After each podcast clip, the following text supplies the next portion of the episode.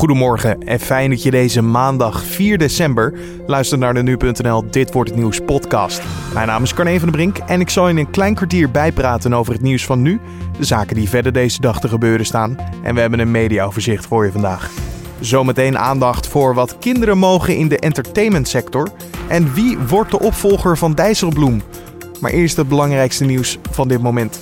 VN-staatssecretaris-generaal Antonio Guterres heeft zondag de strijdende partijen in Jemen opgeroepen tot een staakt het vuren, zodat meer hulpgoederen het land in kunnen worden gebracht. 7 miljoen Jemenieten worden bedreigd door honger en aan gebrek aan toegang tot medische zorg. Jemen wordt door de VN beschouwd als de meest ernstige humanitaire crisis ter wereld en potentieel de grootste hongersnood van de afgelopen decennia. Er is gisteren verontwaardiging ontstaan over een mislukte grap van 538-DJ Frank Dane en zijn collega's vorige maand. De zender liet zangeres Maan een aantal weken geleden tijdens een optreden op de zender zo schrikken dat ze op de radio in huilen uitbarstte. De DJ's zetten een streaker, een naakte man, in tijdens het optreden van de voormalige The Voice of Holland winnares. De kwestie kreeg zondag pas aandacht nadat zanger Tim Knol op Twitter zijn ongenoegen over de actie had geuit en anderen zich daarbij hadden aangesloten. Talpa laat in reactie weten dat Maan vandaag om 12 uur te gast is bij Frank Daan op Radio 538 om samen een toelichting te geven. Gemeenten worstelen met het sociaal beleid dat zij enkele jaren geleden op hun bordje hebben gekregen. Het gaat onder meer over de jeugdzorg, de wet maatschappelijke ondersteuning en de participatiewet, die ervoor moet zorgen dat meer mensen aan werk komen. In ongeveer 1 op de 10 gemeenten blijken de gemeenteraadsleden over onvoldoende kennis en vaardigheden te beschikken om hun taken goed uit te kunnen voeren. Zij zijn echter wel verantwoordelijk voor het beleid. Marit Leenstra en Koen Verwij hebben op de laatste dag van de wereldbekerwedstrijden in Calgary het Nederlands record op de 1500 meter bij de vrouwen en mannen aangescherpt. Leenstra verbeterde met een tijd van 1,52,06 het record van Irene Wust uit 2013. En Verwij pakte met 1,41,95 het record af van Kjeld Nuis, die zelf derde werd. Daar kijken we naar het nieuws van vandaag, oftewel dit wordt het nieuws. Oud-minister van Financiën Jeroen Dijsselbloem is al sinds kort al af van zijn dubbele agenda. Hij was namelijk ook voorzitter van de Eurogroep. Deze groep moet ervoor zorgen dat alle landen die de euro gebruiken als munteenheid stabiel blijven en financieel kunnen groeien. Maar vandaag loopt dat ook bijna op zijn einde voor Dijsselbloem. Want zijn opvolger wordt vandaag bekendgemaakt. Wij vroegen aan nu.nl politiek redacteur Edo van der Groot wat Jeroen Dijsselbloem heeft betekend voor de Eurogroep. Ja, nou wat hij heeft uh, betekend, hij heeft natuurlijk de Eurogroep uh, in een moeilijke periode geleid. Hè. De laatste Griekse crisis uh, moest hij alle zeilen bijzetten om toch dat derde noodpakket voor elkaar te krijgen. En binnen de eurozone, dus met de 19 eurolanden, uh, toch iedereen op één lijn te krijgen. En hij wordt er wel om geroemd dat hij dat met uh, redelijk strakke hand heeft gedaan. In Griekenland denken ze daar dus ook heel anders over. Daar vinden ze dat hij te strak is geweest. En kritiek die hij heeft gekregen is ook dat hij te veel heeft ingezet op bezuinigen en uh, restricties. maar hij wordt daarom ook wel geprezen dat hij gedisciplineerd is. -hmm. En als je nu gaat kijken, want vandaag wordt bekendgemaakt wie de opvolger wordt, of gaan ze in ieder geval naar kijken, dat wordt uitgedraaid. Uh, Dijsselbloem blijft ook nog wat langer om, denk ik, ook de nieuwe persoon uh, te begeleiden. Um, heb je al een beetje indicatie van wie het kan worden of mensen zich hebben aangedragen? Ja, er zijn uh, vier ministers van Financiën hebben zich kandidaat gesteld. Elk euroland mag zich gewoon kandidaat stellen. de Nederlandse minister van Financiën, Wopke Hoekstra, had overigens al gelijk gezegd: dat ga ik niet doen. Uh, dat is misschien ook een beetje te voorbarig om dat als nieuwe minister gelijk kandidaat te stellen. Landen die dat wel hebben gedaan zijn Portugal, Slowakije, Luxemburg en Letland. -hmm. uh, daar de minister van Financiën van, die, die zullen vandaag zullen zich kandidaat stellen. Uh, en ze hebben simpelweg een meerderheid nodig. Dat betekent als je met 19 landen bent en je mag zelf ook stemmen, dat je 10 stemmen nodig hebt. En als een van die kandidaten dat krijgt, dan ben je het gelijk. Het kan natuurlijk ook heel goed zo zijn dat niemand 10 stemmen krijgt. En wat er dan gebeurt is dat de voorzitter, dus Dijsselbloem nog in dit geval, die gaat dan met de kandidaten uh, overleggen. Uh, en zegt ze in vertrouwen hoeveel stemmen ze hebben gekregen. En dan kunnen ze zelf uh, beslissen om door te gaan. Of juist te zeggen van ik, ik doe niet meer mee. Omdat ze bijvoorbeeld maar één of twee stemmen hebben gekregen en toch geen kans maken. En op die manier kan je in meerdere stemrondes uiteindelijk één, één winnaar krijgen. Maar op zich maakt dus het niet uit hoe groot je land is. Het gaat meer ook om de loyaliteit en de ja, de loyaliteit die je hebt gekregen van anderen. Dus in de, in de vorm van de stem, inderdaad. Dat sowieso. En het is natuurlijk een uh, politiek proces. Dus uh, de noordelijke landen, dan heb je het over Finland, Duitsland, uh, Nederland, die hebben natuurlijk wat andere gedachten over ja, hoe, je, hoe je met de overheidsfinanciën om moet gaan dan de, dan de zuidelijke landen, waarin wordt, waarvan wordt gezegd dat zij wat losser zijn met het hervormen en bezuinigen. Hè? Landen als Italië, maar toch ook wel Frankrijk, natuurlijk Spanje en Portugal. Dus wat dat betreft zullen de landen uh, ja, elk hun eigen favoriete kandidaat op die manier beoordelen. En moet het in principe niet uitmaken hoe groot een land is. Maar ja, als, het is toch wel duidelijk dat als bijvoorbeeld Duitsland iets graag wil, dat het dan wel gebeurt. Dus er wordt achter de schermen wordt natuurlijk volop gelobbyd over, om ja, de, de, de kandidaat te laten worden. Uh, en als laatste alleen nog de vraag van, joh, wat gaat Dijsselbloem nu doen? Als hij straks uh, de opvolger heeft, hij blijft nog een tijdje.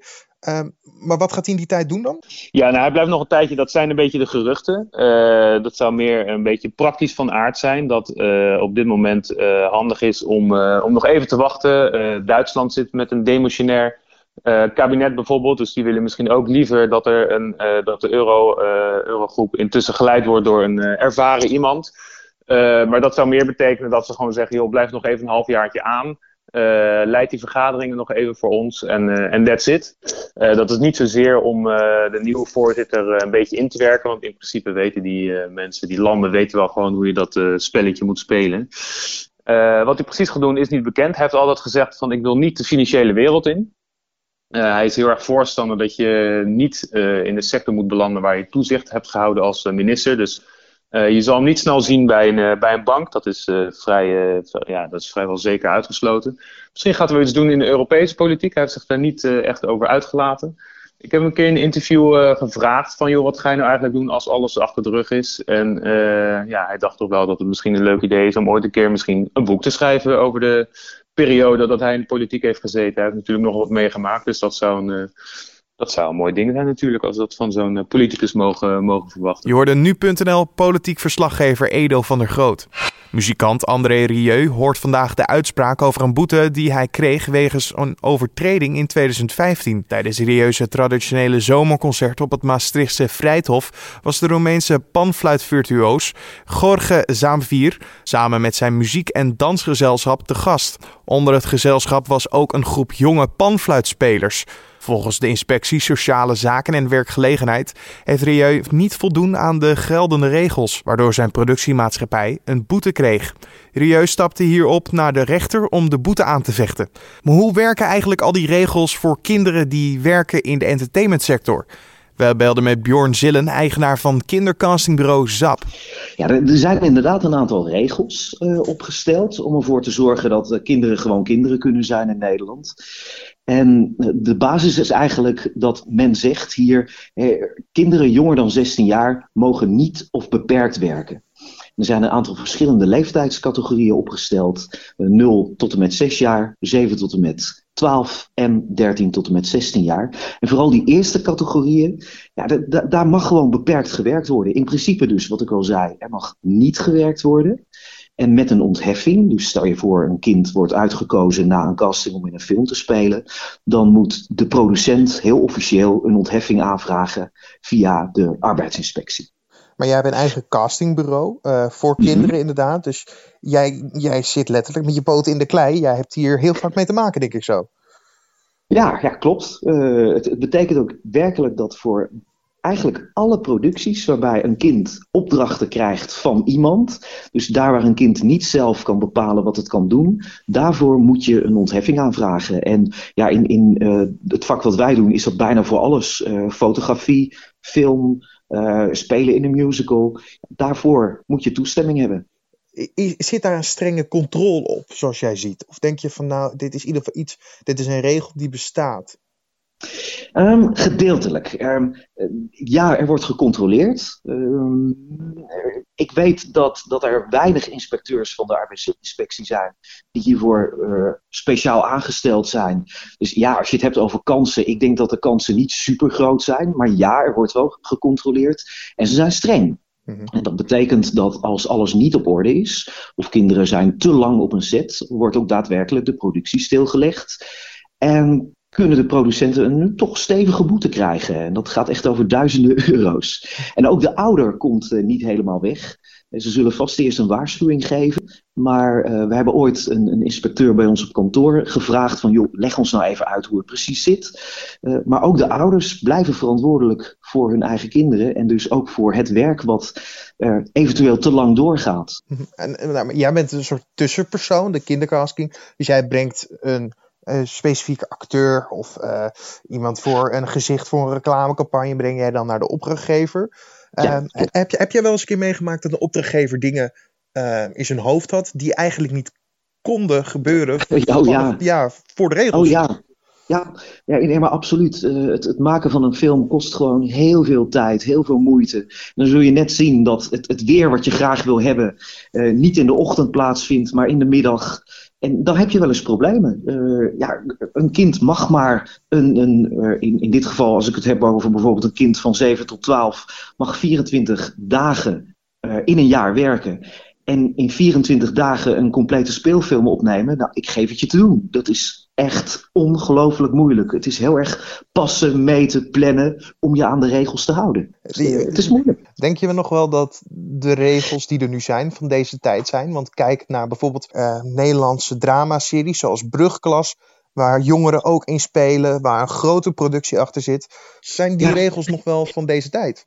Ze zijn uh, recentelijk, een jaar geleden, nog wat verruimd. Uh, 24 dagen in een jaar is best wel oké. Soms is het lastig, uh, vooral bij een grote speelfilm.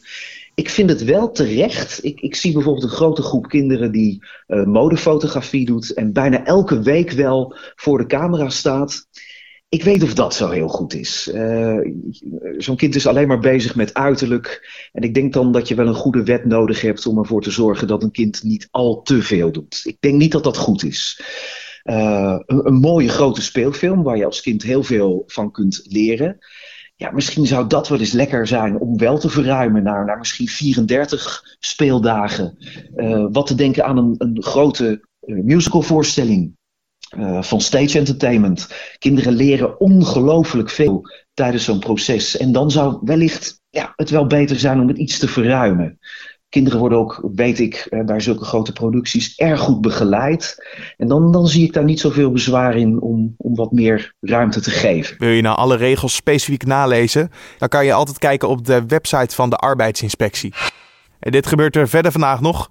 De rechtbank in Brussel buigt zich wederom over de uitlevering van de voormalige Catalaanse premier Carlos Puigdemont aan Spanje. Eerder kwam de rechtbank bijeen op 17 november, maar toen werd geen besluit genomen. Puigdemont en zijn ministers vertrokken naar België nadat de Spaanse premier de Catalaanse regio-regering ontbond. De Spaanse rechtbank vaardigde kort daarna een Europees arrestatiebevel voor hen uit. De Britse premier Theresa May heeft een bespreking met de voorzitter van de Europese Commissie, Jean-Claude Juncker.